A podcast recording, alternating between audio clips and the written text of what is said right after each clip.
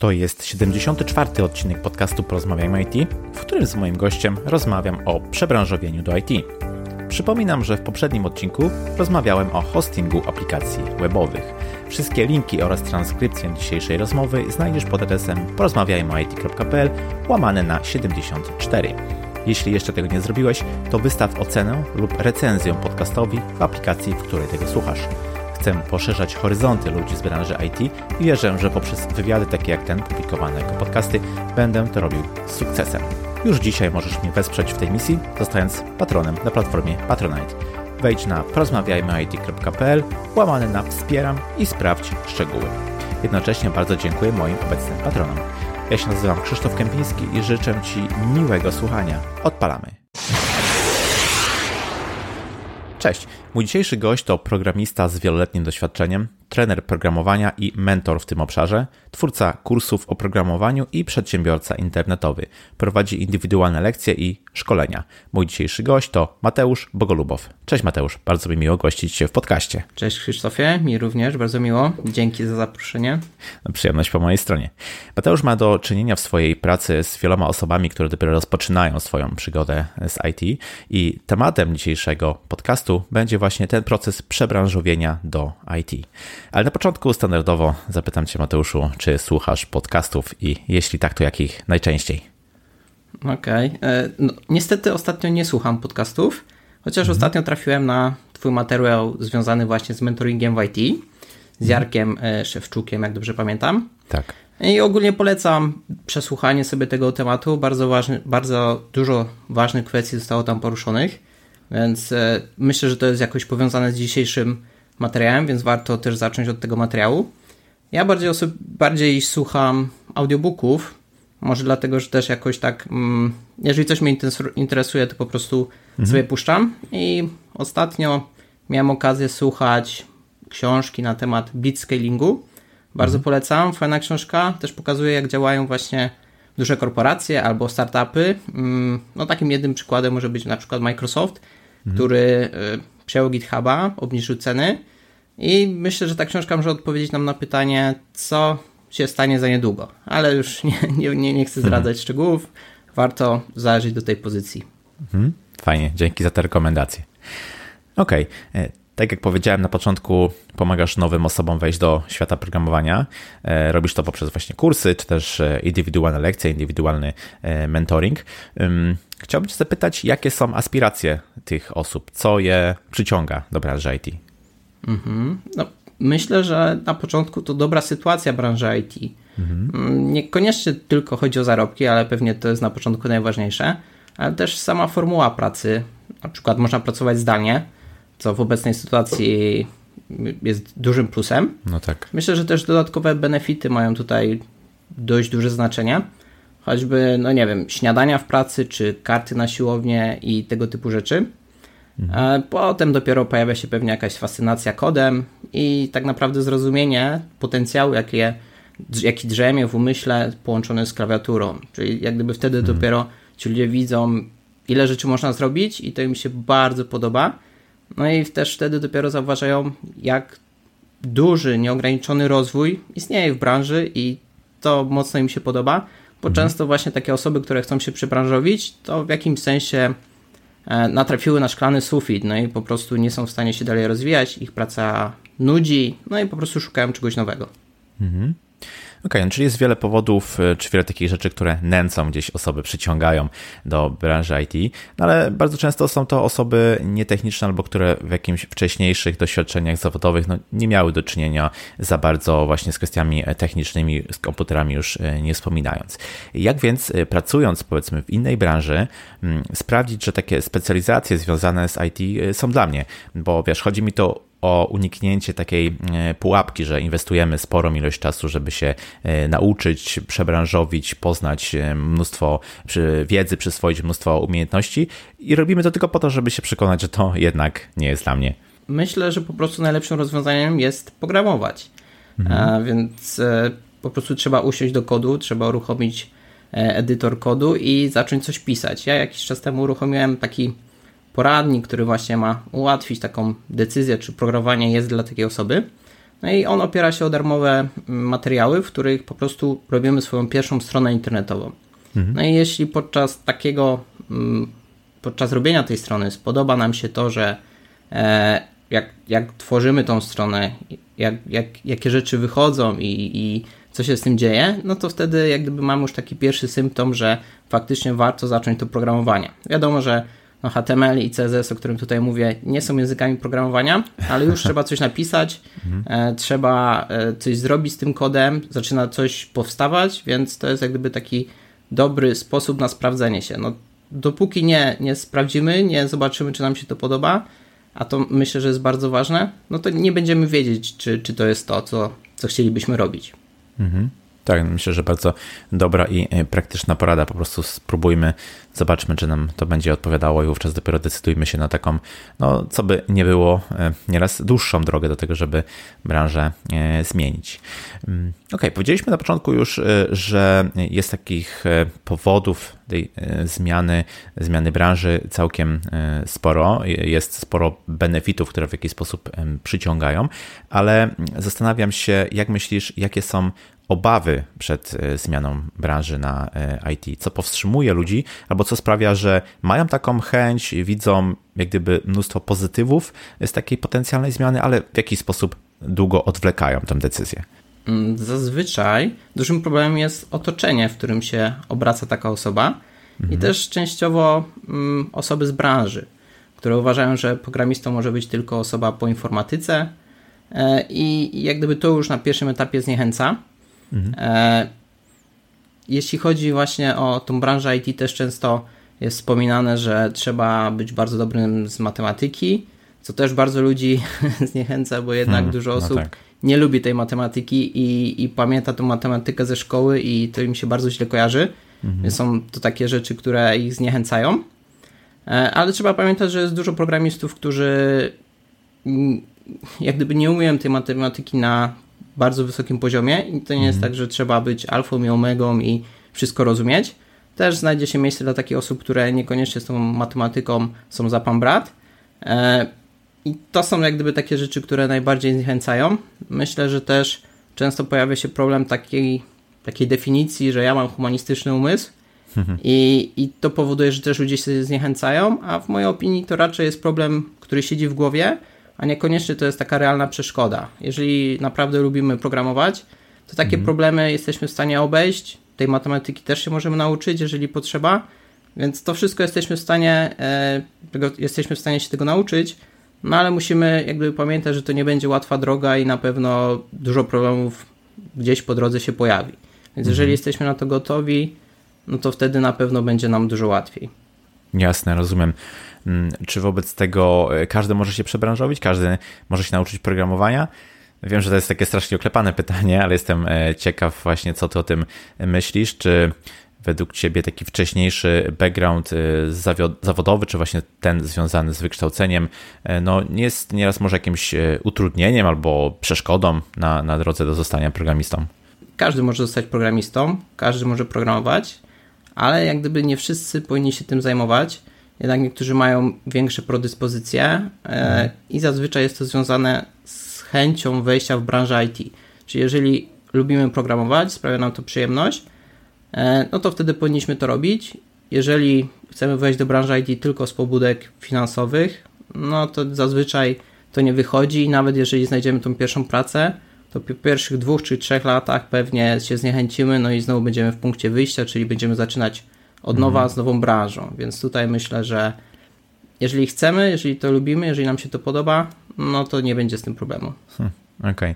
czyli prawie każdy może, ale nie wszyscy powinni, jednym słowem. Tak mówiąc. jest, tak jest. Dobrze, to jeśli mamy już tą decyzję, jeśli już e, posmakowaliśmy trochę na przykład programowania, wiemy, że nas to, nie wiem, interesuje, widzimy jakoś siebie w tym kierunku, mm, to na co według ciebie trzeba nastawić się, e, podejmując właśnie ten pierwszy krok w kierunku przejścia do branży IT, podejmując się tej e, drogi. E, przykładowo, dajmy na to, nauka programowania, no ile to może zająć, na jaką perspektywę czasową, na jakie wyrzeczenia trzeba się nastawić?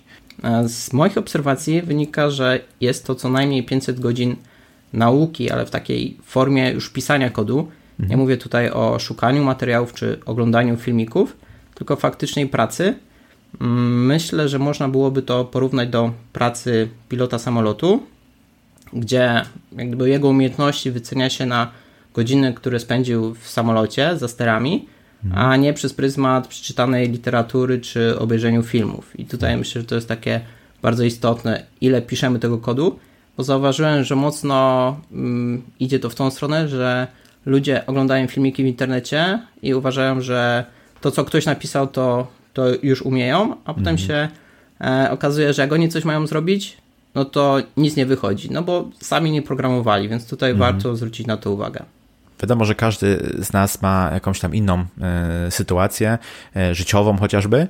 Mm, osoby, które mają już, nie wiem, rodzinę albo jakieś inne zobowiązania, e, no w inny sposób muszą tym swoim czasem mm, gospodarować i rzadko mogą sobie pozwolić na coś takiego, że teraz odcinają się, gdyby robią sobie półroczną przerwę, podczas której tylko uczą się nowych umiejętności związanych chociażby z programowaniem. Jak według Ciebie znaleźć czas na naukę umiejętności umiejętności związanych z, z IT w takiej sytuacji? No, myślę, że jest to bardzo indywidualna sprawa.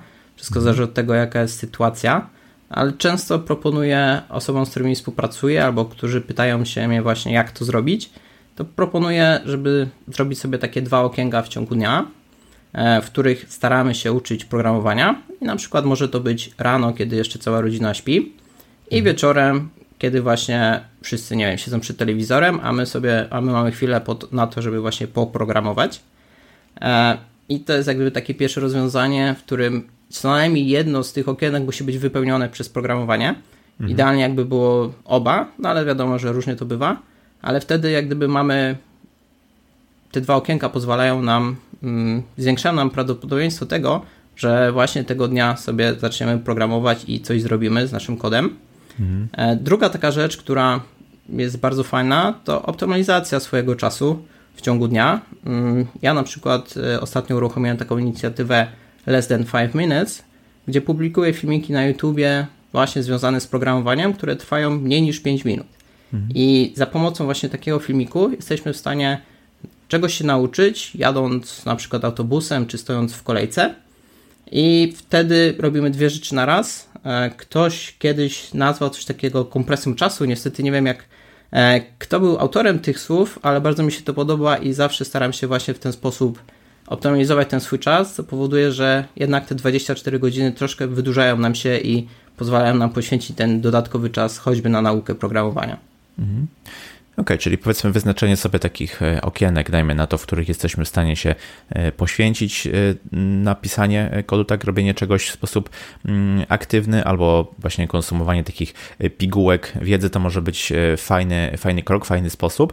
Mm, chciałem Cię zapytać jeszcze, jakie inne techniki znasz, albo jak efektywnie w ogólności uczyć się programowania, żeby to nie tylko były właśnie godziny przesiedziane na oglądaniu czegoś, ale no, żeby ten, ten efekt efekt y, przyszedł jak najszybciej po prostu?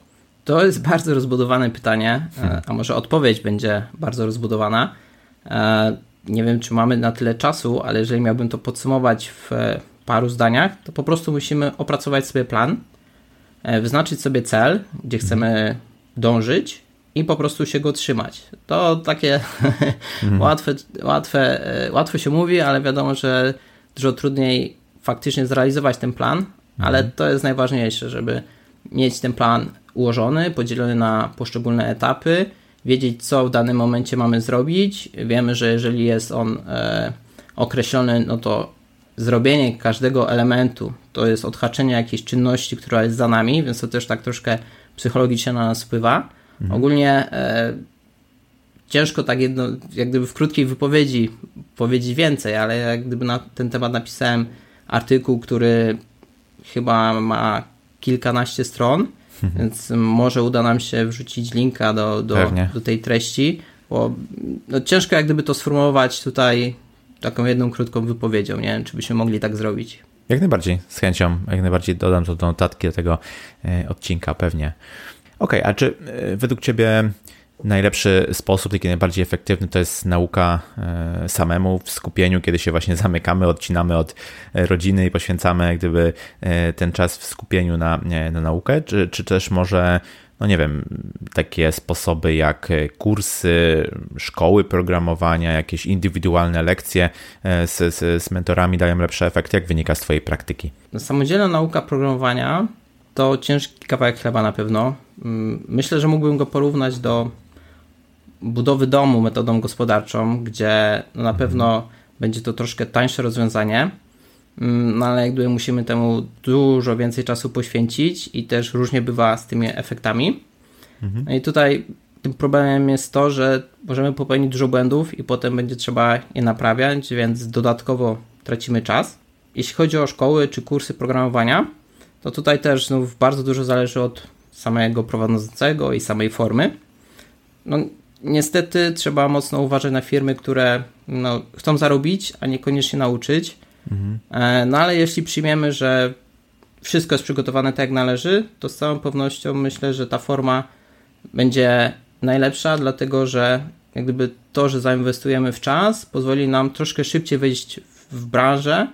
Dzięki mhm. temu ta inwestycja nam się dużo szybciej zwróci. Myślę, że taka samodzielna nauka może potrwać nawet 3-4 razy dłużej niż właśnie hmm. wybierając taką formę, w której ktoś nam pomaga w tej nauce. No to faktycznie jest bardzo e, znacząca różnica. Okej, okay, no teraz właśnie chciałem Cię zapytać, w jaki sposób się do tego przygotować? Co byś doradził e, osobom, które chcą się przebranżowić, chcą rozpocząć naukę e, programowania?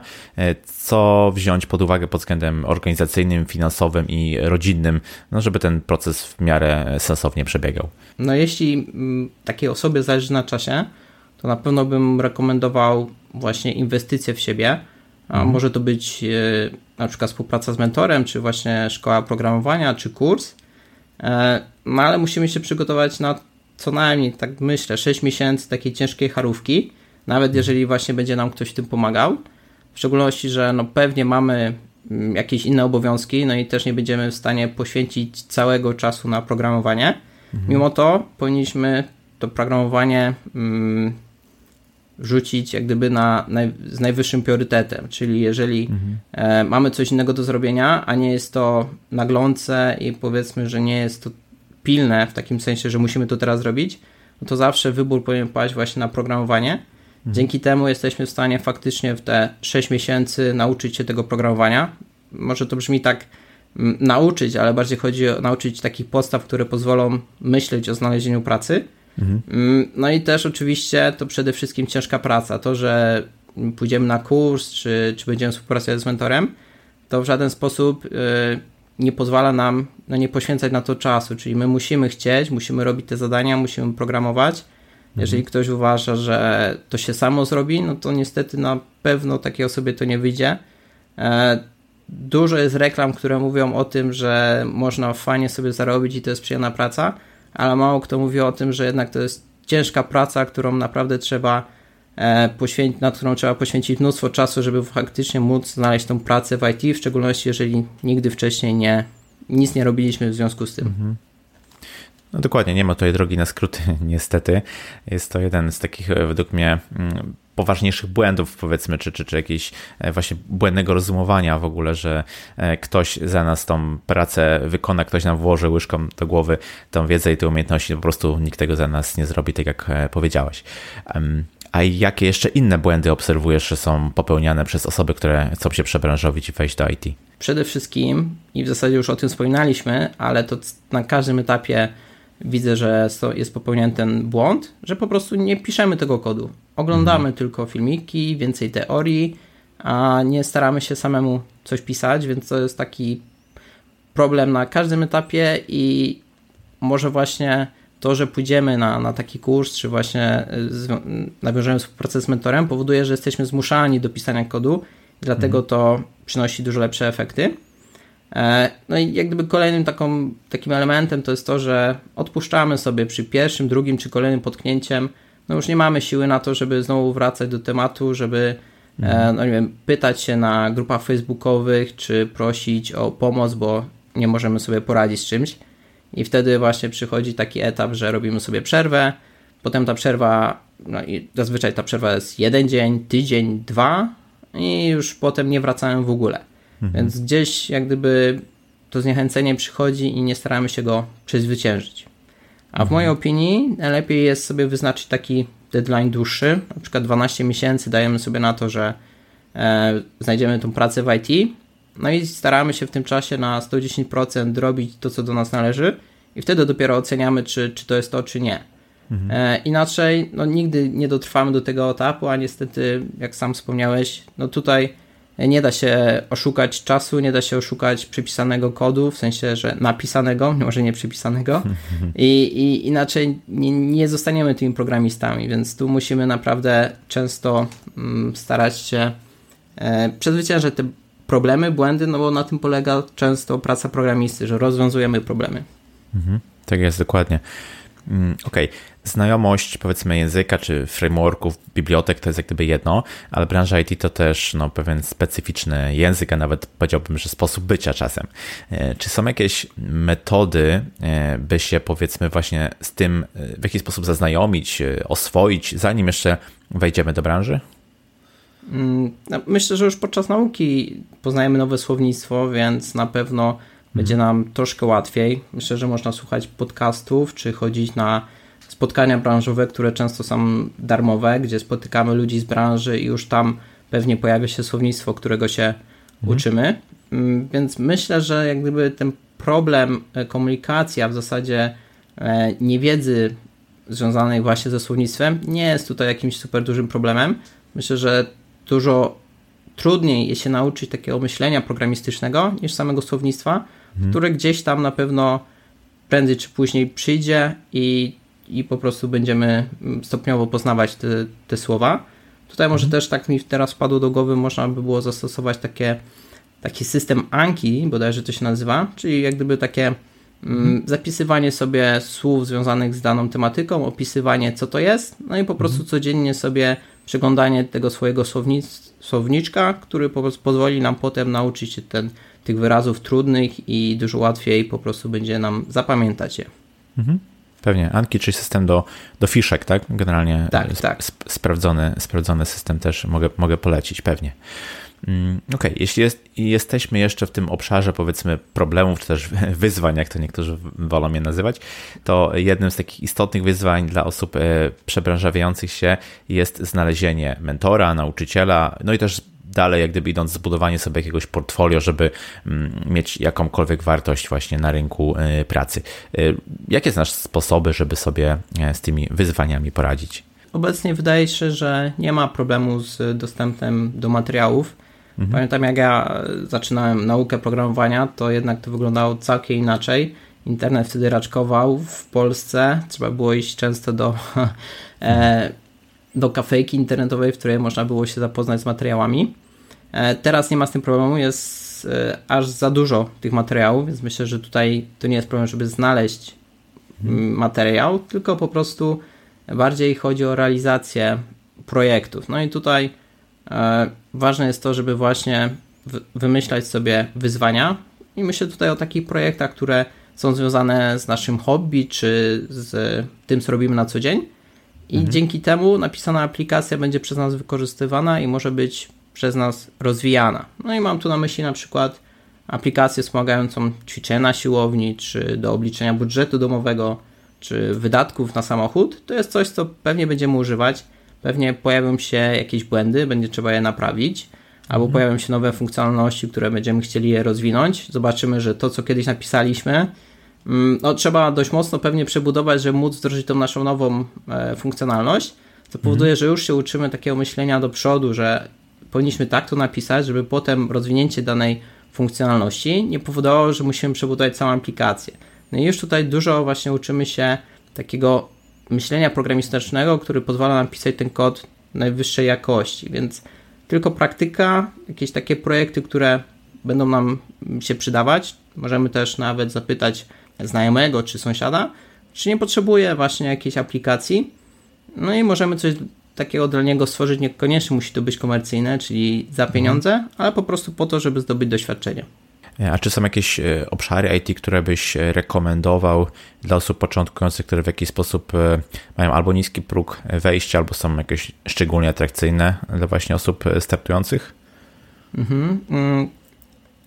Może to nie będzie brzmiało zbyt dobrze, bo powiem, że frontend, a ja się sam frontendem zajmuję, ale myślę, że tutaj e, głównie chodzi o próg wejścia. Wydaje się, że jednak ten frontend troszkę jest łatwiejszy na samym początku niż na przykład technologie backendowe. E, no i też troszkę większe jest zapotrzebowanie na osoby, które właśnie działają we frontendzie. Może jest więcej ofert pracy o w tym sensie. Mhm. No i dzięki temu dużo łatwiej nam będzie właśnie wejść w branżę, a potem możemy się dodatkowo rozwijać. Tutaj też chciałbym zaznaczyć, że no JavaScript jest na tyle uniwersalnym językiem programowania, że pozwala nam tworzyć nie tylko właśnie aplikacje frontendowe, ale również backendowe właśnie za pomocą Node.js'a, mhm. czy desktopowe. Tutaj mamy takie rozwiązania jak Electron.js, czy właśnie mobilne za pomocą React Native. Więc jak gdyby to, że zaczniemy od frontendu, to nie jest powiedziane, że musimy na nim skończyć, tylko możemy się dalej rozwijać i wcale nie musimy zmieniać języka programowania, więc myślę, że to może być duży plus właśnie na, e, dla JavaScriptu. Czy według Ciebie wiek gra rolę? Chodzi mi tutaj, wiesz, no, zazwyczaj, będąc już nieco starszą osobą, mamy jakąś inną sytuację życiową. Mm, inaczej, powiedzmy, się uczymy, może trochę wolniej, inaczej przyswajamy wiedzę, mamy trochę większe oczekiwania w stosunku do e, kolejnej, powiedzmy, pracy. Czy wobec tego obserwujesz coś takiego, że e, wiek e, może, nie wiem, utrudniać albo zmieniać jakoś nasze podejście do przebranżowienia do IT? Na pewno wiek ma znaczenie, ale nie powiedziałbym, że w takim sensie, jak każdy myśli, że jak ktoś ma powiedzmy 40 lat na karku, no to już nie może zacząć swojej przygody z IT. Mhm. Znam osoby, które po 50 e, nauczyły się programować i znalazły pracę w IT, więc można, ale faktycznie tutaj, jeśli chodzi o sam tryb nauki, troszkę inaczej wygląda, bo osoby, które mają troszkę więcej lat na karku, mo z mojej perspektywy mają więcej cierpliwości, mhm. Mm, ale za to, to znów muszą przyzwyczaić umysł do nauki, więc jak gdyby coś za coś. Natomiast osoby młode na odwrót, czyli e, no tej cierpliwości dużo mniej, więc pewnie mhm. częściej się denerwują i częściej chcą zrezygnować, bo coś nie wychodzi.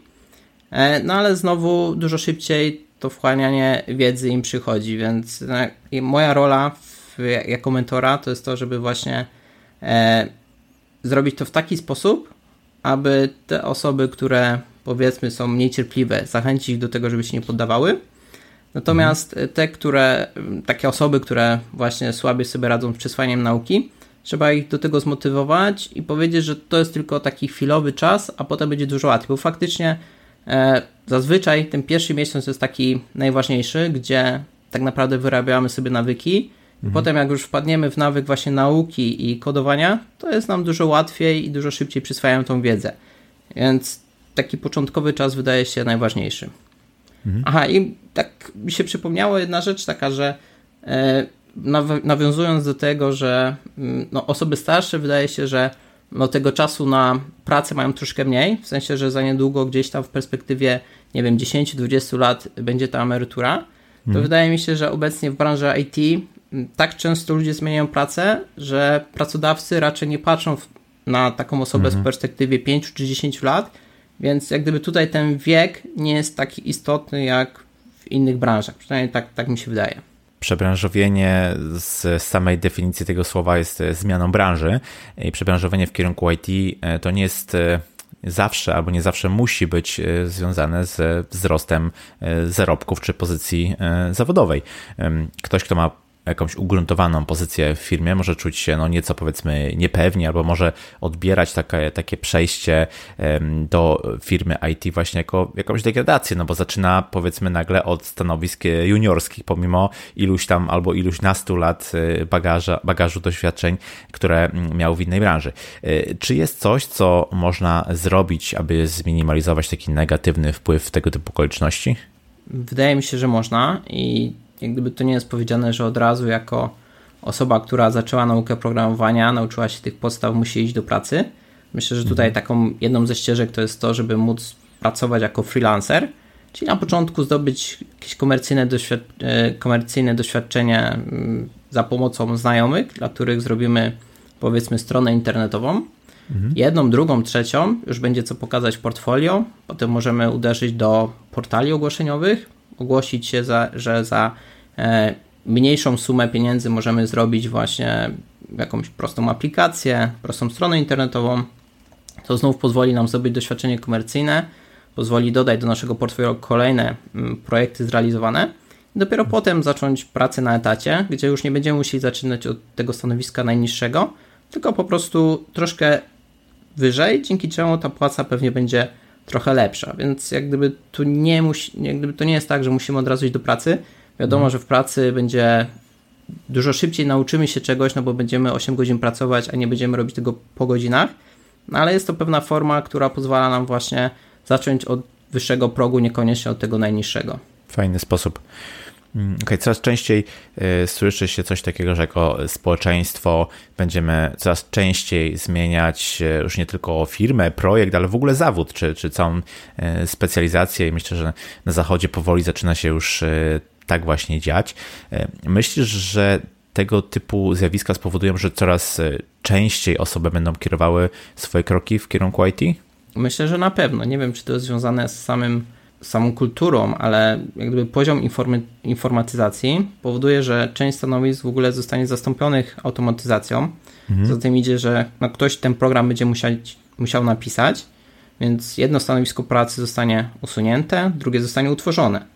E, mhm. Tak, tak to zazwyczaj wygląda, więc y, myślę, że na pewno będzie coraz więcej ofert pracy, a co za tym idzie, coraz więcej osób zainteresowanych już teraz widzę, że osoby, które wykonują czynności monotonne i powtarzające się w pracy, wolą właśnie znaleźć coś bardziej twórczego. No i myślę, że to idealnie wpisuje się właśnie w pracę frontendowca. Mhm. Dlatego na pewno coraz więcej osób będzie próbować swoich sił w IT i, i myślę, że coraz więcej tych miejsc będzie. Tak, tak, taką widzę perspektywę i chyba to cały czas się już dzieje, w szczególności w obecnych czasach, gdzie jednak ta praca zdalna też jest bardzo doceniana i, i tutaj kolejny plus dla IT. Mhm. Więc chyba w IT będzie coraz lepiej, tak mi się wydaje. Ciekawy jestem też Twojej opinii, czy, czy też tak myślisz. Tak, znaczy jak najbardziej podzielam to, co powiedziałeś. Myślę, że e, coraz większe będzie zapotrzebowanie na nowe osoby, aczkolwiek e, trzeba być świadomym też e, tego, że ten charakter pracy może się zmieniać, tak? To, co właśnie powiedziałeś, że takie powtarzalne rzeczy mogą być e, przejęte w jakiś sposób przez, e, przez maszyny, przez algorytmy, mm, przez tak zwaną sztuczną inteligencję. Natomiast e, no, wszystko wskazuje na to, że ludzie będą się zajmowali nieco bardziej kognitywnie wymagającymi, powiedzmy, zadaniami, co oczywiście też jest jak najbardziej na plus. Bardzo Ci dziękuję za ciekawą rozmowę. Cieszę się, że pokazałeś, że można do tego przebranżowienia podejść w taki sposób e, zaplanowany, z głową, no ale trzeba być też świadomym e, ilości pracy mm, związanej z tym, żeby posiąść odpowiednie umiejętności, żeby po prostu e, poprogramować odpowiednio dużo, zanim spróbujemy wejść na rynek IT. Także dzięki za fajną rozmowę. Mm, na koniec zapytam Cię jeszcze, gdzie Cię można znaleźć w internecie, w jaki sposób się z Tobą skontaktować. Mhm. Pewnie najłatwiej będzie przez stronę internetową devmentor.pl. E, na Facebooku również strona o tej samej nazwie. Na LinkedInie też można e, do mnie napisać, tam już normalnie pod imieniem i nazwiskiem Mateusz Bogolubow. Więc mhm. zapraszam, zapraszam wszystkich, którzy byliby zainteresowani e, nauką programowania. I Tobie, Krzysztofie, dziękuję bardzo za zaproszenie. Również mi było bardzo miło porozmawiać. Mhm. Cieszę się bardzo, przyjemność po mojej stronie. Dzięki jeszcze raz. Do usłyszenia. Cześć. Dzięki, cześć. I to na tyle z tego, co przygotowałem dla Ciebie na dzisiaj. Osoby przebranżawiające się do IT pochodzą z różnych środowisk i mają różne motywacje. Niezależnie od tego, wszystkie na początku spotykają się z podobnymi problemami. Warto świadomie wybierać tę drogę i być konsekwentnym w jej podążaniu. Jeśli doceniasz to, co robię, wesprzyj mnie na Patronite. To taka platforma, na której możesz wspierać twórców internetowych w ich działalności. Mnie możesz wesprzeć kwotą już od 5 zł miesięcznie. Chciałbym oddelegować kilka rzeczy, które wykonuję przy każdym podcaście, a zaoszczędzony czas wykorzystać na przygotowanie jeszcze lepszych treści dla Ciebie. Sam jestem patronem kilku twórców internetowych i widzę, że taka pomoc daje dużą satysfakcję obu stronom. Mój profil znajdziesz pod adresem porozmawiajmyoit.pl łamane na wspieram. Link również w notatce do tego odcinka. Jeśli masz jakieś pytania, pisz śmiało na krzysztofmałpa porozmawiajmyoit.pl. Jeśli spodobał Ci się ten odcinek i nie chcesz przegapić kolejnych epizodów podcastu, zasubskrybuj go w swojej aplikacji podcastowej. Jeśli nie wiesz jak to zrobić, wejdź na stronę porozmawiajmy łamane na subskrybuj.